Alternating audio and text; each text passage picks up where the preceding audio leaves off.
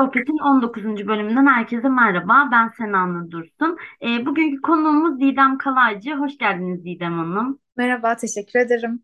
E, öncelikle çok teşekkür ediyoruz davetimizi kabul ettiğiniz için. E, Ben teşekkür ederim ulaştığınız ve e, davet ettiğiniz için. e, isterseniz böyle sorulara geçmeden önce ilk sizi tanıyalım. Daha sonrasında sorularımız üzerinden ilerleyelim. Tamamdır, tabii ki. Ben Didem. Anadolu Üniversitesi İletişim Bilimleri Fakültesi'nde sinema ve televizyon 3. sınıfım. 20 yaşındayım. Her ne kadar genelde güzel sanatlar ya da iç mimarlık okuduğum düşünülse de bu bana çok sorulan bir şey oldu. Bir yıl gibi bir zamandır diorama ve minyatür üzerine çalışıyorum. Dioramalarımda genelde iç mekan çalışmayı tercih ediyorum. Çünkü mekanların ve eşyaların hafızası olduğuna inanıyorum. Aynı zamanda senarist ve yönetmenim. Tabii bu yaptığım diorama çalışmalarını da sinema ile birleştirmeye çalışıyorum. Şu anda bir film projem için minyatür bir set yapıyorum hatta. E, bir noktada özellikle de animasyonla sinemaya da birleştirilebiliyor çünkü yaptığım şey. E, Animist adlı eğitim programına başvurmuştum. Zaten başvurum kabul edildi. Onunla da uğraşıyorum bir taraftan. E, eş zamanlı olarak da senarist kimliğimi beslemek adına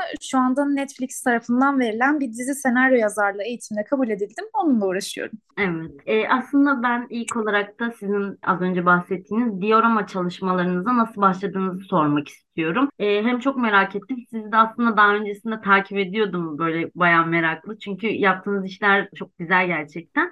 E, bu çalışmalar nasıl başladı onu sormak istiyorum. Teşekkür ederim. Çok naziksiniz. Aslında bir arkadaşım çizgi film yapmak istemişti. Hatta çizgi dizi, South Park gibi bir şeyler. Sonrasında aslında neden gerçek mekanda minyatür bir sette yapılmasın diye düşündüm.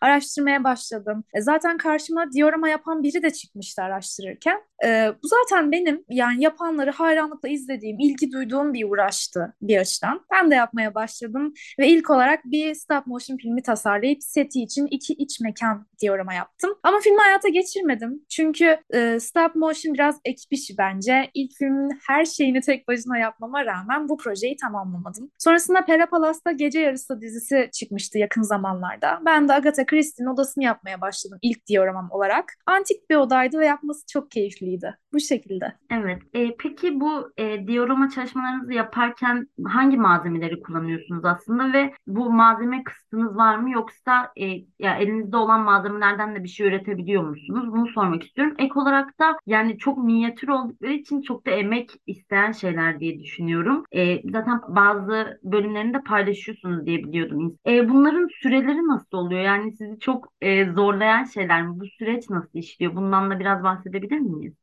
Ee, dediğiniz gibi evet Instagram hesabım Didora Mart'ta bütün yapılış süreçlerini de detaylı bir şekilde e, paylaşıyorum. E, süreç gerçekten zorlayıcı oluyor bazen. Aslında yaptığım şeye de değişiyor. Kullandığım en önemli kilit malzemelerden biri, birkaç tanesi fotoblok ve polimer kil. E, balsa da eklenebilir buna ama ben kullanmıyorum. Onun yerine başka ahşaplar kullanmayı tercih ediyorum. E, ahşap levhalar, genelde huş levha kullandım ben çalışmalarımda. Kumaş gerektiren bir çalışmaysa kumaşlar kullanılıyor. Silikon çubuklardan çöp şişlere kadar her şey aslında. Onun haricinde kretuar bıçağı olmazsa olmazlardan. Geri kalanlar da aslında hayal gücü. Bir şeyleri, örneğin bir plastik parçayı dönüştürüyorum bir kolyeyi artık takmıyorsam zincirine kullanabilirim, onu dönüştürebilirim diye düşünerek atmıyorum. Yani normalde insanların aslında belki de çöpe atabileceği şeyler. Bir yerden sonra artık bir şeye baktığımda zaten acaba bununla ne yapılabilir diye düşünmeye başladım. Böyle otomatikleşti beynim. O yüzden malzemeler sonsuz diyebilirim.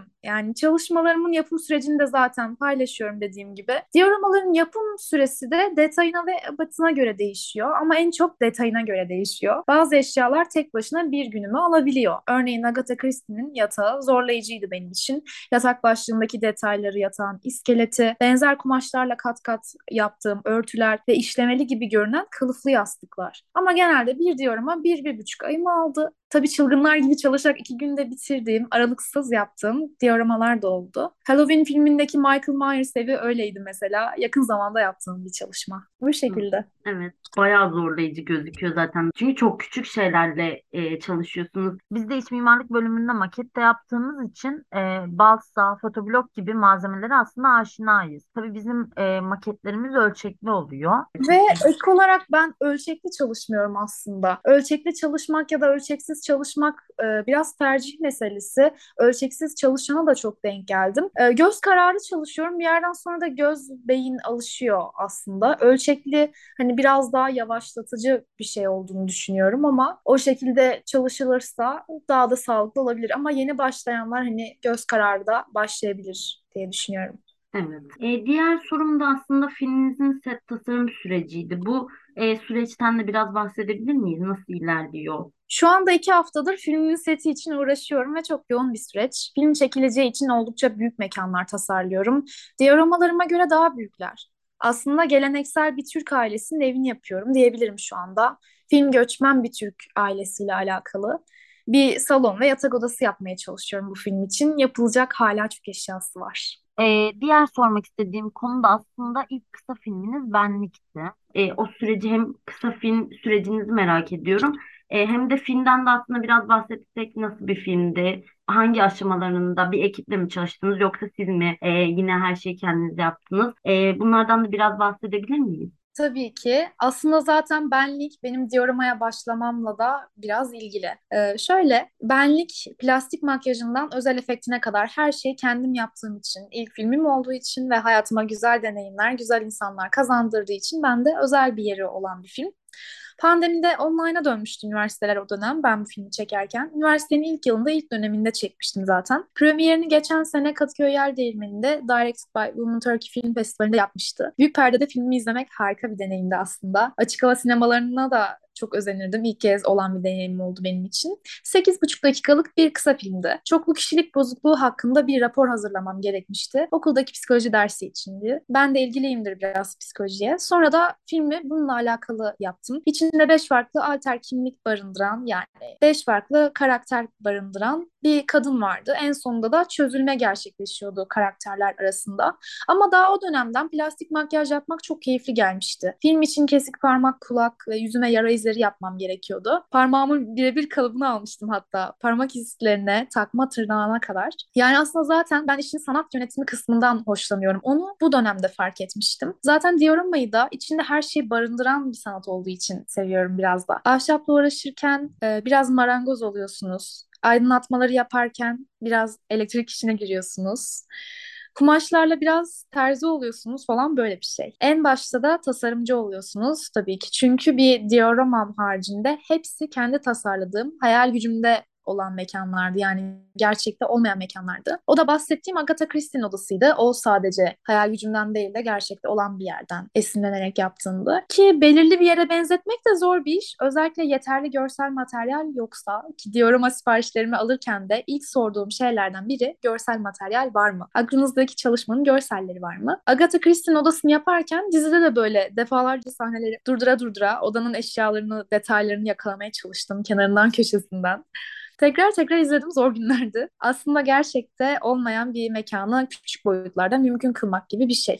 Evet, kesinlikle. Ee, benim aslında sorularım bu kadardı. Son olarak böyle yeni aslında dioramaya ya da top motion'a ya da top motion olması da bir kısa film çekmek isteyen birine e, önerilerinizi belki alabilirim. Tabii ki, tabii ki. Ee, dediğim gibi stop motion işine bir giriştim. Kafamda hikayeyi oluşturdum. İki tane de kukla gerekiyordu bunun için. Ee, aslında hepsi tamamen farklı departmanlar. Kukla farklı bir departman. Mekanı yapan kişinin e, uğraştığı aslında farklı bir departman. Hepsini tek başıma yapabilir miyim diye düşünmüştüm ama stop motion film çekmek isteyen birisi bence e, kendine öncelikle bir ekip kurmalı. Hani gerçekten böyle bunu sağ sağlamalı öncelikle. Ondan sonrasında da zaten hani daha sonraki bir tarihe erteledim kafamda onu ve şu an başka bir proje yapıyorum yine diorama üzerinden ve sadece mekanla hikaye anlatmaya çalışıyorum. Hiç karakter olmadan bu kez. Ee, ama diorama ya da minyatür sanatına başlayacak birisi için ya da başlamak isteyen birisi için en önemli söyleyebileceğim şey gözlem yapmaları. Çünkü tamamen bundan besleniyoruz yani aslında. Ee, göz alışıyor. Yani bir şeyleri gözlemledikçe, inceledikçe bir şeyin diğer eşyaya ya da diğer şeye oranına. Yani çünkü tamamen bunun üzerinden ilerliyorsun ve o yüzden zaten başta e, daha önce buna dikkat etmediğin için ya da e, elin alışık olmadığı için ben başladığımda bazı oran problemlerim olmuştu. Yani bu zamanla aşılıyor. Bol bol gözlem yapmak gerekiyor Ee, onun haricinde küçük nesnelerle başlayabilirler. Aslında bu çok güzel bir alıştırma. Yani her şeyin olduğu, eşyaların olduğu tek bir diorama yapmak, bitmiş bir çalışma yapmak yerine e, ben mesela ilk olarak minyatür bir elektro gitar ve onun amfisini yapmıştım. Yani bununla başladım. Sonra yine nesneler yaptım, çerçeveler, işte e, çantalı pick-up'lar yaptım. Sonra dioramaya geçiş yaptım aslında. Evet, aslında sizin bahsettiğiniz gibi biraz böyle deneyim elde ederek ve üstüne koyarak ilerleyen bir süreç. Sizin de dediğiniz gibi tekrardan e, sürekli bir pratik gerektiriyor aslında. Evet, evet, aynen öyle. Ee, aslında gerçek bir mekanda çalışmanın da, hayal ürünlü bir mekanda çalışmanın da kendine göre farklı zorlukları var. Çünkü gerçek mekanda dediğim gibi görsel materyal de elinize olamayabiliyor ya da olsa da mesela oradaki kumaşı böyle aynı desende, çok benzer desende bulmak çok zor oluyor. O yüzden tamamen aslında doğaçlama gidilebiliyor. Hani oradaki eşyalara benzetmenin de zorluğu var. Yani ya da hayal ürünü olan bir şeyi tasarlamanın da kendine göre zorlukları var. Ama her anlamda ben bu süreçten çok keyif alıyorum. Ve aslında e, bütün e, disiplinleri ya da işte bütün e, uğraşlar içinde barındırdığı için meraklıysanız tavsiye ederim. Ben zaten öncesinde seramikle de uğraşıyordum. E, lisede seramik kulübündeydim. Çok girip çıkardım. Sonrasında da işte çizim de yaptım ve aslında kendimi dioramada buldum gibi bir şey oldu. Evet böyle kendisi yapan birinden dinleyince çok daha keyifli oluyor böyle şeyler. E, o yüzden çok teşekkür ediyoruz. E, çok güzel bir bölüm oldu bence. Rica Bir, ederim. eklemek istediğiniz başka bir şey var mıdır? Ee, hayır, çok teşekkür ederim ama gerçekten burada olmak e, beni çok mutlu etti. Davetiniz için tekrardan teşekkürler. Biz teşekkür ederiz katkıda bulunduğunuz için.